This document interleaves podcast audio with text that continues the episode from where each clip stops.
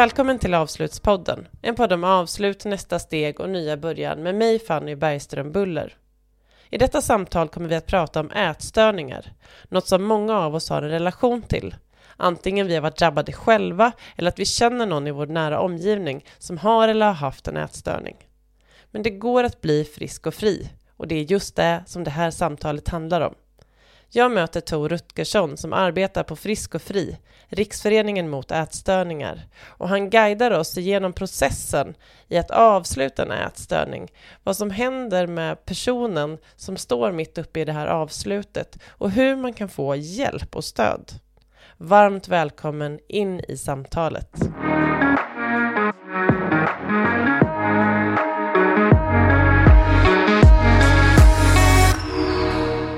Hej Tor Rutgersson och välkommen till Avslutspodden. Tack så hemskt mycket. Vi satt här innan och pratade lite grann om hur länge sedan det var vi träffades och insåg att det var liksom kanske två siffror ja, som, ja. Eh, som var med där i, i samtalet och att vi både kände som att vi började bli lite gamla och eh, att det var väldigt länge sedan. Mm. Då träffades vi i sammanhang där vi pratade mycket om generationsväxlingar. Men nu är du här som eh, pressansvarig för Frisk och Fri, som du ska mm. få berätta mer om. Ja, men Frisk och Fri, Riksföreningen mot ätstörningar. Eh, jag gillar att lägga, det, det är ju hela namnet. Jag tycker det är bäst att säga det, annars kan det låta som någon slags uh, sekt, tycker jag. Men, men det är Riksföreningen mot ätstörningar. Vi har stödverksamhet, alltså både för drabbade och närstående chatt. Eh, vi har eh, stödmail, vi har stödgrupper, vi har öppna träffar, mentorprogram och sådana saker. Sen jobbar vi också förebyggande med utbildningar i skolor och på arbetsplatser om eh, ätstörningar och om självbild och självkänsla. Och vi jobbar påverkande för bättre vård och för ett samhälle med mindre ätstört beteende och destruktiva normer och skadliga ideal helt enkelt. Och du är ju här idag för att prata just om ätstörningar. Och ja, som en bakgrund så dels så, så hade jag själv ätstörningar under period i, i min tonår. Och då var det, hörde jag ofta det här med att, liksom, att man kan aldrig bli frisk. Någonting som jag har kanske inte då tänkte så mycket på, men, men har tänkt mycket på på senare år så vad innebär det att vara frisk? Eh, eh, alltså, kan man säga då att man är frisk från en ätstörning och så vidare? Och det kändes som ett, ett viktigt avslut, någonting att, att prata med dig om. Mm. Eh, och jag tänker vi kan väl börja lite där. Så här, idag, jag tänker att många människor har någon form av relation till ätstörningar. Man kanske har haft det själv eller har det. Man kanske känner någon, vän, klasskompis, förälder, barn som har det. Mm. Men kan inte du liksom berätta lite mer, vad är en ätstörning för någonting? Jo, men väldigt förenklat då om vi liksom försöker definiera det utanför eh, de diagnoserna och kriterierna för diagnoser som finns, så, så tänker jag att en ätstörning är när du har skadlig relation till mat, ätande, fysisk aktivitet. Alltså du gör våld på dig själv genom hur du äter eller inte äter. Eh, genom tvångsmässigt tränande till exempel, kompenserande då för det du äter. Och genom hur du känner och tänker kring, på, på din egen kropp och på, på vad du äter. Det skulle jag säga är en ätstörning. Mm. Och hur stort är det här? Det finns lite olika tankar om det. Vi brukar säga att, att det finns ett stort mörkertal, det vill säga människor som inte söker vård då, eller som inte kanske själva förstår att de har en ätstörning eller som skäms för mycket för att, för att eh, prata om det. Och det är svårt att, att, beräkna då, men någon slags siffra som brukar användas är att ungefär 200 000 människor någon gång under sitt liv drabbas av en ätstörning då i Sverige. Vilken är din bakgrund av ätstörning? Min historia med ätstörningar började på gymnasiet när jag fick, eller drabbades av eh, anorexi först. Sen eh, Eh, efter ett tag blev det till bulimi då. Och sen har jag haft två återfall i vuxen ålder. Där på grund av att jag mått dåligt av andra skäl i livet så har jag liksom fallit in i de destruktiva mönstren som jag hade. Inte under lika långa perioder, inte lika allvarligt, men, men eh, det gör ju ändå att den totala tiden där ätstörningar har varit liksom en del av mitt liv eh, har blivit lite längre då. Kan man säga. Och jag tänker, du är ju man eh, och det känns som att det är mer sällan som man hör om män som har ätstörningar. Vad, är, och så här, eh, är det så? Eh, att, är det en sanning eller en felaktig bild? Bara att man inte hör lika mycket om det och i så fall, vad beror det på? Mm. Eh, först och främst är det viktigt att säga att ätstörningar kan drabba alla oberoende av, av könstillhörighet eller liksom sexualitet eller ålder eller något annat. Men sen finns det ju vissa eh, grupper som, har, som löper större risk, liksom rent statistiskt. Då. Och vad det beror på, det kan vi ha olika teorier om. När det gäller kvinnor så har det funnits en historiskt sett liksom enorm eh, kroppsfixering och utseende hets, alltså att kvinnor ska leva upp till vissa ideal på ett sätt som kanske inte har varit lika för män. Eh, och det innebär ju att när du mår dåligt så är tanken på att om jag förändrar min kropp eller hur jag äter eller så, så kommer jag liksom må bättre eller bli värd mer. Är kanske närmare då att så att säga projicera sin ångest på det sättet för kvinna än det är för en man. Men nu ser vi att, att liksom, eh, utseende blir viktigare socialt sett även för män.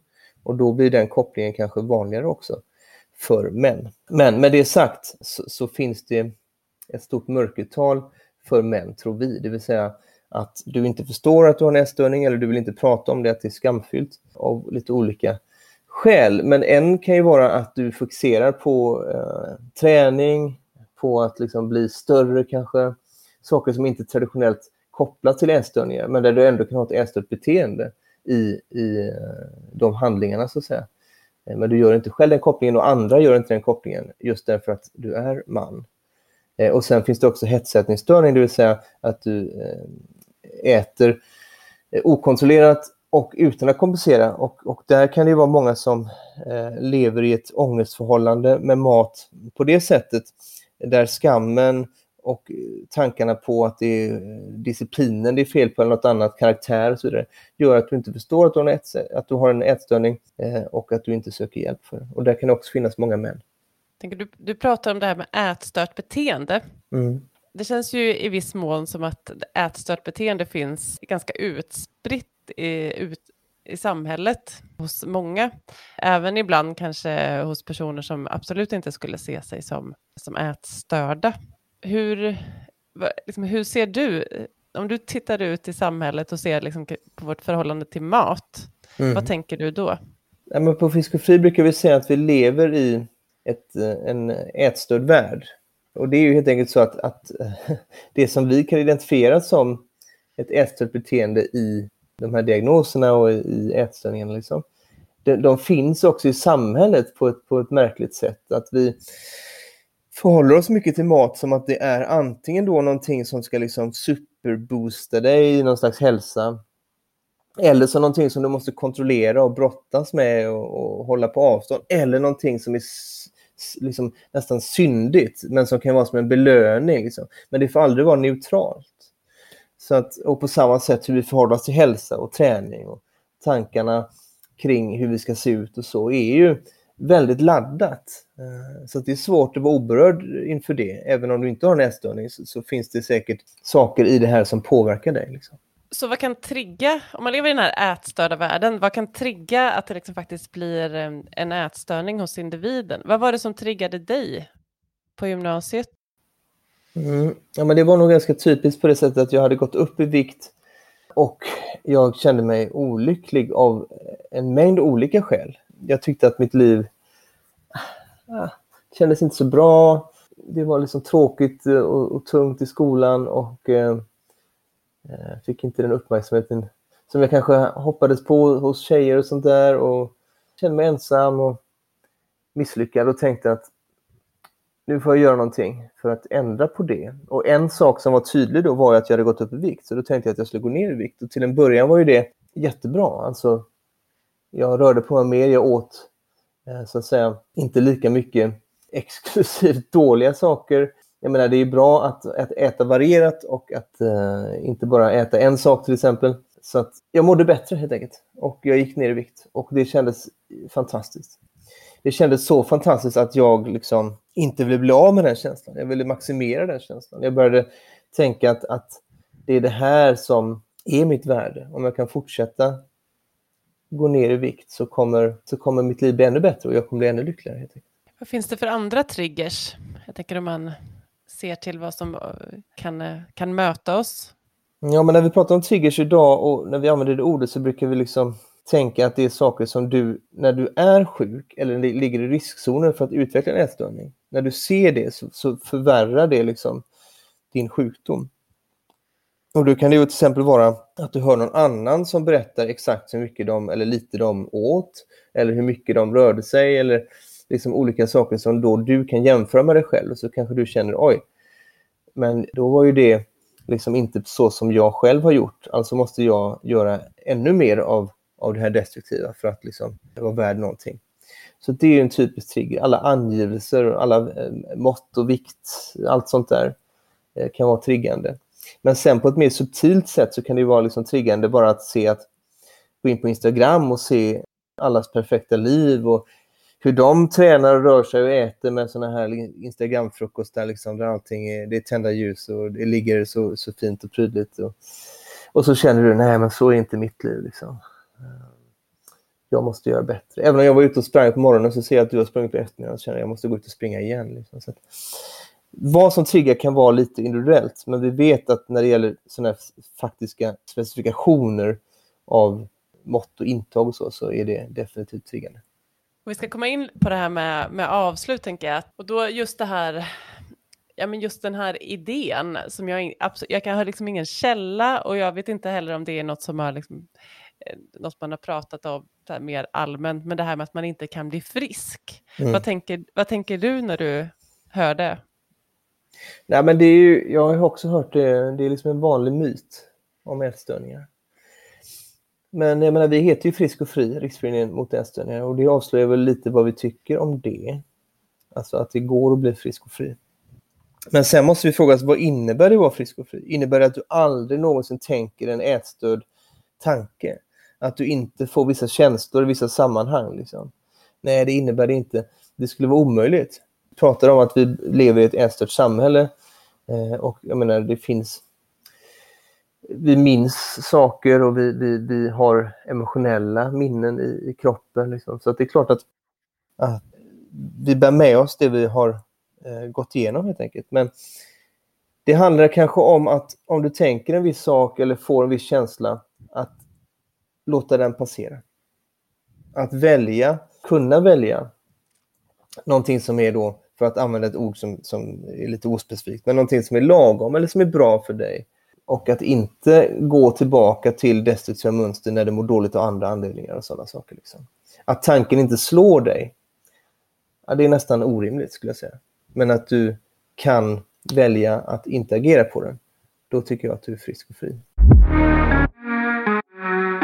När du pratar så, så tänker jag att det, det är ju väldigt mycket hjärnan det, vi, det handlar om eller det är väl kanske i stort enbart hjärnan som gör själva liksom, som dikterar villkoren och så är kroppen som utsätts för den här eh, ätstörningen och vad som händer. Men eh, i det så, så, tänker jag att det finns, jag tänker att skil, skillnaden om, man bara, om jag bara reflekterar på det du säger är att ett är man liksom lite slav under det här, ja men eh, sin hjärna och vad den säger till en och hur man ska agera och vilka, liksom, hur den bestraffar en om man agerar på fel sätt. Och det andra handlar mer om att tankarna kan komma, men du, behöver liksom, du är fri att agera på dem eller inte. Och att du då fördelaktigt väljer att inte göra det. Mm. För att du kanske kan resonera ibland och ibland kanske det bara är helt logiskt. Och hur, jag tänker så här, om man då är, för, för jag tänker, har man ett ätstört beteende eller är, har en, kanske till och med är så att man är i kontakt med vården och är, jätte, och är sjuk. För man kan ju bli svårt sjuk och man kan ju till och med dö av mm. ätstörningar. Det kan ju vara bra. Och, jag tänker att ätstörda beteenden är vi så många, liksom, i samhället är det så många som, som har det, men att det kan ju faktiskt utvecklas till en riktigt svår sjukdom. Så är det. Den, be den behöver som tur var inte eh, resultera i något sånt. Mm. Mm. Och hur ser den här processen ut? Om ni fick bestämma, hur, hur guidas man ur det här? Jag brukar tänka på det som att det är en process med många steg och du befinner dig i olika tillstånd under den resan så att säga. I, den, i den första, det första tillståndet så, så eh, är du i förnekelse. även mot dig själv. Du vill inte erkänna att du har en ätstörning. Eh, du, du vill hålla fast vid den här nya självbilden liksom, som ätstörningen ger. Så att du är inte riktigt mottaglig, men det gäller att någon fortsätter. Ett, visa att de bryr sig om dig, inte nödvändigtvis fokusera på kropp utan säga du är inte lika glad som du brukar vara eller du gör inte de sakerna du brukar tycka om tidigare. Hur mår du egentligen? Jag finns här för dig. Så eh, och också i, eh, i, om du har en relation med en person där, som du vet liksom är långvarig och där du kan finnas för den personen, att, att också börja liksom säga så här att tror inte du mår bra, jag tror att du behöver hjälp och så. Och så fortsätta vara där då, även den här personen kanske eh, reagerar starkt mot det och ser dig som, kanske som en fiende för den här nya självkänslan som ätstörningen ger. Och inte förrän du har kommit förbi den fasen så är du liksom redo för nästa. Där du själv då inser, jag, jag är sjuk, jag vill bli frisk eller jag vill må bättre. Och bara för att du förstår att du är sjuk så betyder det inte att du är frisk utan liksom det är på något sätt här resan börjar då. Och då så är det ju fantastiskt viktigt att söka vård, söka hjälp. Liksom. Desto tidigare du kan få vård, desto snabbare kan du bli frisk. Helt enkelt. Men på Frisk och Fri har vi då som komplement till vården stödsamtal, att få prata med någon som varit med om något liknande själv. Eller att eh, kunna bara liksom chatta när du mår dåligt för att känna att någon är där utan krav på hur du ska vara liksom, och sådana saker. Som, som är väldigt, väldigt viktigt. Och sen i nästa fas att kunna då jobba målmässigt och rutinmässigt mot att bli frisk. Och då, då får du göra det tillsammans med om du lever med någon, då blir den personen eller de personerna involverade. Det är liksom omöjligt att eh, undvika det. Eh, men också i vilka aktiviteter du gör och hur, hur du planerar liksom, runt och för att äta på ett sätt som känns bra. Så att det är många olika steg. Du kan få stöd i de stegen hos oss på Frisk och Fri genom liksom, att vi eh, har mentorer och öppna träffar och, och stödgrupper och sånt där. Och du kan också få stöd om du lever med någon som har en ätstörning. Men du kan också då få hjälp såklart via vården. Och att söka vård är mitt, mitt största tips. Vad kan man få för hjälp via vården? Ja, du får, det beror lite på vad du har för diagnos och vad du har för behov. Det kan vara allt från samtalsstöd till eh, matgrupper och, och liksom, eh, heldygnsvård. Va? Det beror på hur, eh, hur din situation ser ut. Mm. Vilken hjälp fick du under din process att bli frisk? Ja, det var lite olika saker. Jag var inlagd och jag fick eh, också eh, liksom, hjälp med, med eh, att ja, föra liksom någon slags journal eh, och, lära mig äta rätt igen. Liksom. Eh, samtalsstöd på det sättet, inte, inte terapi liksom, utan mer fokuserat på, på ätandet och så. Eh, men det var ganska lång väntetid när jag var sjuk. Ibland är det ju så även fortfarande idag att det är lång väntetid. Liksom. Så att de här omedelbara insatserna, ja, de, de beror ju på liksom hur du rent fysiskt mår. Men, men själva behandlingen, där kan det ju hända att du får vänta. Liksom. Om man, om man är anhörig och står bredvid någon som har en ätstörning, då kan man ju känna att man bara liksom vill ta den personen och liksom göra någonting snabbt. Det känns som det finns kopplingar, jag tänker det här, man tänker på missbruk av andra slag också, att man vill liksom gärna flytta personen. Går det att göra så? Eller krävs det, precis där du beskriver, att, man, att personen själv måste vara mottaglig och villig att få hjälp först? Ja, jag skulle nog säga att, att uh, de där faserna är viktiga, att, att först komma till självinsikt liksom, innan du kan bli bättre. Och att som närstående acceptera att det är där vi befinner oss nu, det är så jag måste jobba. Jag kan inte bara ta personen och åka iväg. Liksom. Men med det sagt så finns det liksom rent fysiska tillstånd som måste adresseras. Kraftig undervikt eh, eller andra reaktioner i kroppen som kommer av de här beteendena där det kan bli fara för livet. Och, då är det en fråga om att sätta in eh, livs... Eh, alltså vad heter det? att när det, det, är ett livs, när det är livshotande tillstånd så måste du liksom sätta in livräddande vård då. Akut, mm. Akuta saker. Och, och, då kan du göra det mot någons vilja naturligtvis. Så ser liksom lagen ut i Sverige i alla fall. Mm. Om man tänker att man då tagit sig igenom den här processen, att man har liksom hittat, eh, för, förstått på något sätt vad som händer och vill förändra det och sen fått hjälp så att man känner att man är som ut på andra sidan. Vad, jag tänker det känns som att det finns en eh, sårbar period, kanske i nära anslutning. När kände du att du kunde liksom känna dig frisk helt och hållet? Eller känner du dig frisk? Det är väl också frågan såklart. Mm. Jag känner mig frisk eh, idag. Jag vet inte, jag har inget exakt datum på liksom, när den känslan infann sig. Och jag trodde ju kanske att jag var frisk också tidigare. Men, men jag känner mig mer säker på det nu därför att, ja, hur ska jag uttrycka mig? Jag, min, mitt kropp och mitt sinne är väldigt trött på tanken. Alltså jag, emotionellt färdig på något sätt och känner att jag inte skulle orka eh, ha en ätstörning. Jag, jag tänkt tanken så här, inte mm. på att, ha, liksom, att jag skulle på något sätt vilja ha en ätstörning, definitivt inte, men just det här, jag tänkte någon gång tillbaka mm. på den här perioden i mitt liv och den var inte så lång. Och så tänkte jag så här, att, att liksom, ja precis den här känslan, och herregud, så jobbigt liksom. Vilken mm. kamp. Vem orkar Jag skulle aldrig orka utsätta mig för den kampen igen. Och det kändes, då kändes det så, liksom, det, det är så tydlig känsla så här, nej, mm. den dörren är stängd. Nej, och då menar jag liksom inte att, att det, det är inte så att du kan välja det där, men, men du kan, det kanske kan kännas i kroppen när du är frisk. Alltså att tidigare då när jag hade mina återfall så fanns det ju någonting som tilltalade mig då som, som drog i mig när jag mådde dåligt och hade ångest på andra sätt. Att ja, men du kan ju göra det där. Liksom. Det, då, då, eh, får du ju mening och, och en lösning, syfte med livet. Och jag menar, jag mår ju dåligt ibland av andra anledningar eh, även nu. Livet går upp och ner, det är en berg och liksom. Men, men det där känns inte längre som någonting som skulle kunna eh, ens för stunden ge mig eh, någonting. Utan när jag tänker på det så blir jag liksom bara trött. Så att eh, så känns det i mig.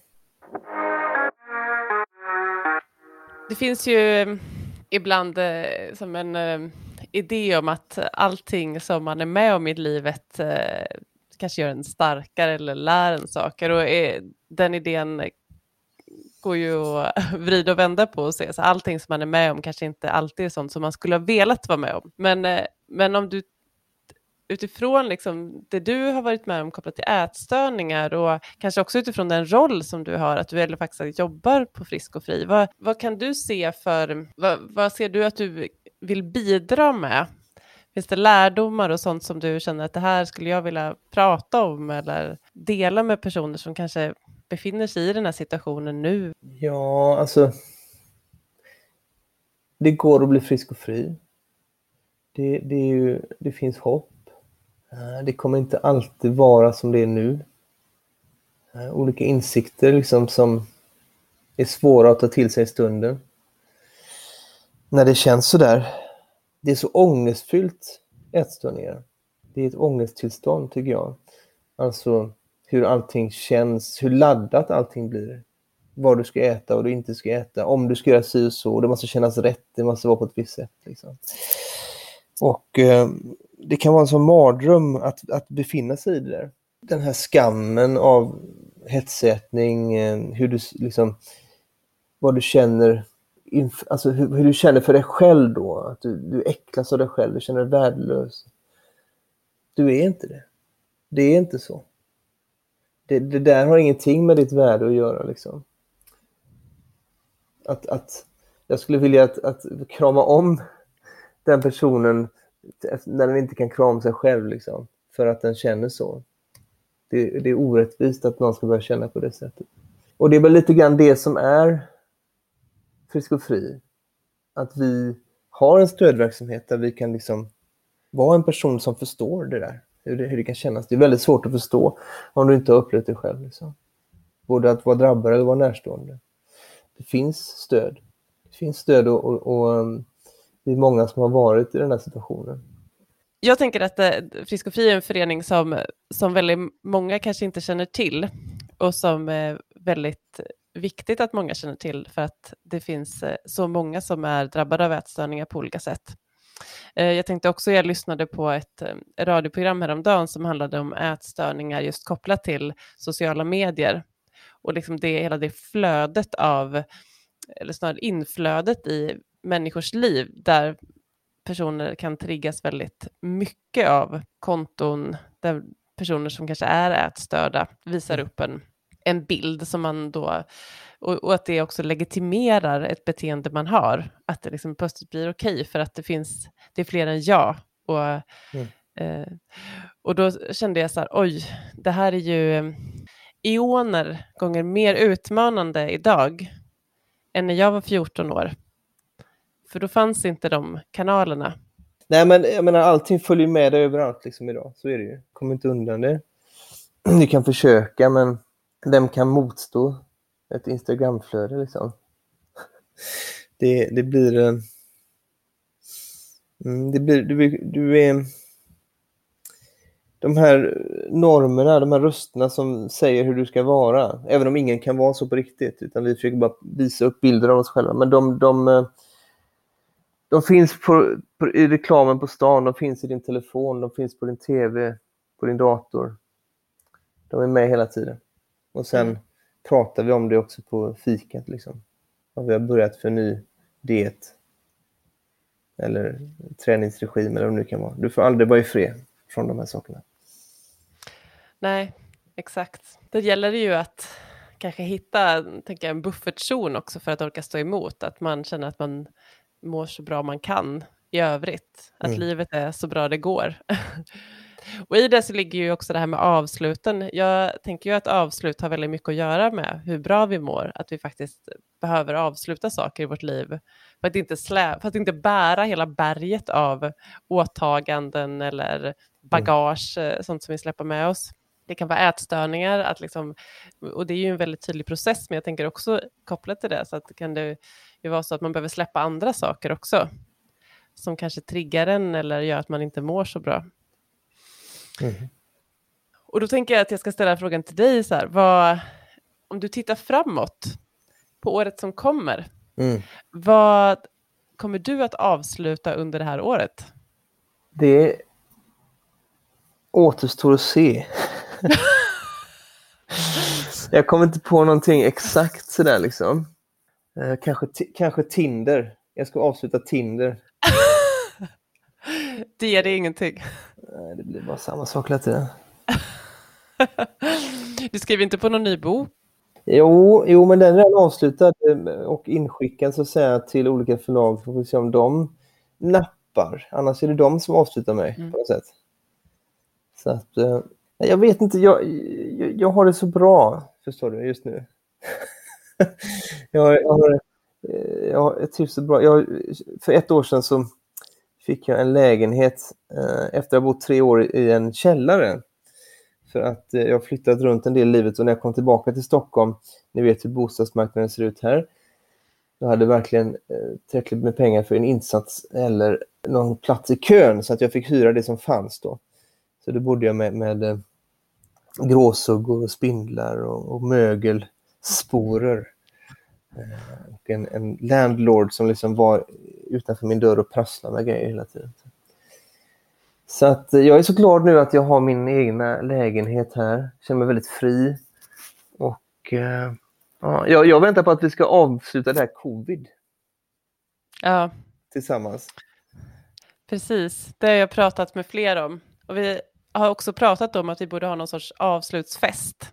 Mm. För att, eh, eller något, någon typ av liksom tydligt avslut. En sista superspreaderfest innan alla är vaccinerade. Nej, det låter inte alls nej, bra. Nej, det låter inte alls bra. Utan mer det här när vi liksom känner att vi har kommit till andra sidan. Det kanske vi aldrig gör. Det är ju det som, vi sitter ju bara här och spekulerar mitt i pandemin. Mm. kanske aldrig kommer någon andra sida. Men att eh, att någonstans behov av att avsluta saker, att även den här pandemin får ett tydligt avslut, att det inte mm. bara liksom rinner ut i vardag igen. Just det. Stadsfester på något sätt. Liksom. Blir, nu ska alla... Hela Sverige dansar. Ja. ja, exakt. Ja, ingen kommer ju våga vara så nära varandra då, så att uh, den här sociala fobin som liksom mm. uppstår. Det blir säkert en period av att vänja sig igen vid att, att vara nära. Mm. Ja, även det är ett avslut och en ny början kan man konstatera. Om man vill komma i kontakt med dig eller om man vill komma, jag tänker det, om man vill komma i kontakt med Frisk och Fri, hur gör mm. man då? Frisk och Fri, eh, vi har en sån här hemsida på eh, internet. Så att du går in på din eh, webbläsare där, vilken du vill, och skriver in www.friskfri.se. Väldigt viktigt att det inte är frisk och fri, utan det är friskfri.se. Eh, annars kommer du till en annan verksamhet. Jag tror eh, en, eh, en dam som säljer någon slags kristaller. Tror jag. Okay. Kanske också ett bra tips, men det är inte vi. Nej. Nej. Friskfri.se. Eh, och om du vill komma i kontakt med mig, då måste jag nog fråga i vilket, eh, vad, vad vill du? Om du vill mig något på Frisk och Fri så finns mina kontaktuppgifter där. Om du vill mig något i andra sammanhang så finns jag i sociala medier. Där heter jag Variationer av Utgersson på olika sätt. Precis, och det är ju ett litet tips att eh, faktiskt eh, titta in allt som du har skrivit om demokrati och jag vet att du har gett ut en barnbok nyss, visst är det så? Jajamän. Ja, mm. så, som jag bara har sett. Ja, den ser fantastiskt fin ut. Eh, så det, det, finns ju väldigt mycket. Du är en, eh, en man med eh, många kloka delar i hjärnan som du använder till olika saker. Tack så mycket. Det, det, det, ska jag brodera faktiskt och sätta upp. Ja, gör det. Mm. Eh, och då blir det också ett fint avslut. Att eh, vi avslutar här och du kommer att brodera någonting som du kanske skickar in som ett foto så att jag kan lägga upp på Avslutspoddens Instagram. Det blir något att avsluta under året då, mitt broderi. Jag ska bara lära mig brodera först. Men eh, ja. allting steg för steg. Mm. Steg för steg. Tack så mycket Tor. Tack själv. Tack för att du har lyssnat. Jag gör den här podden för att jag tycker att vi behöver prata mer om avsluten som sker i vårt liv.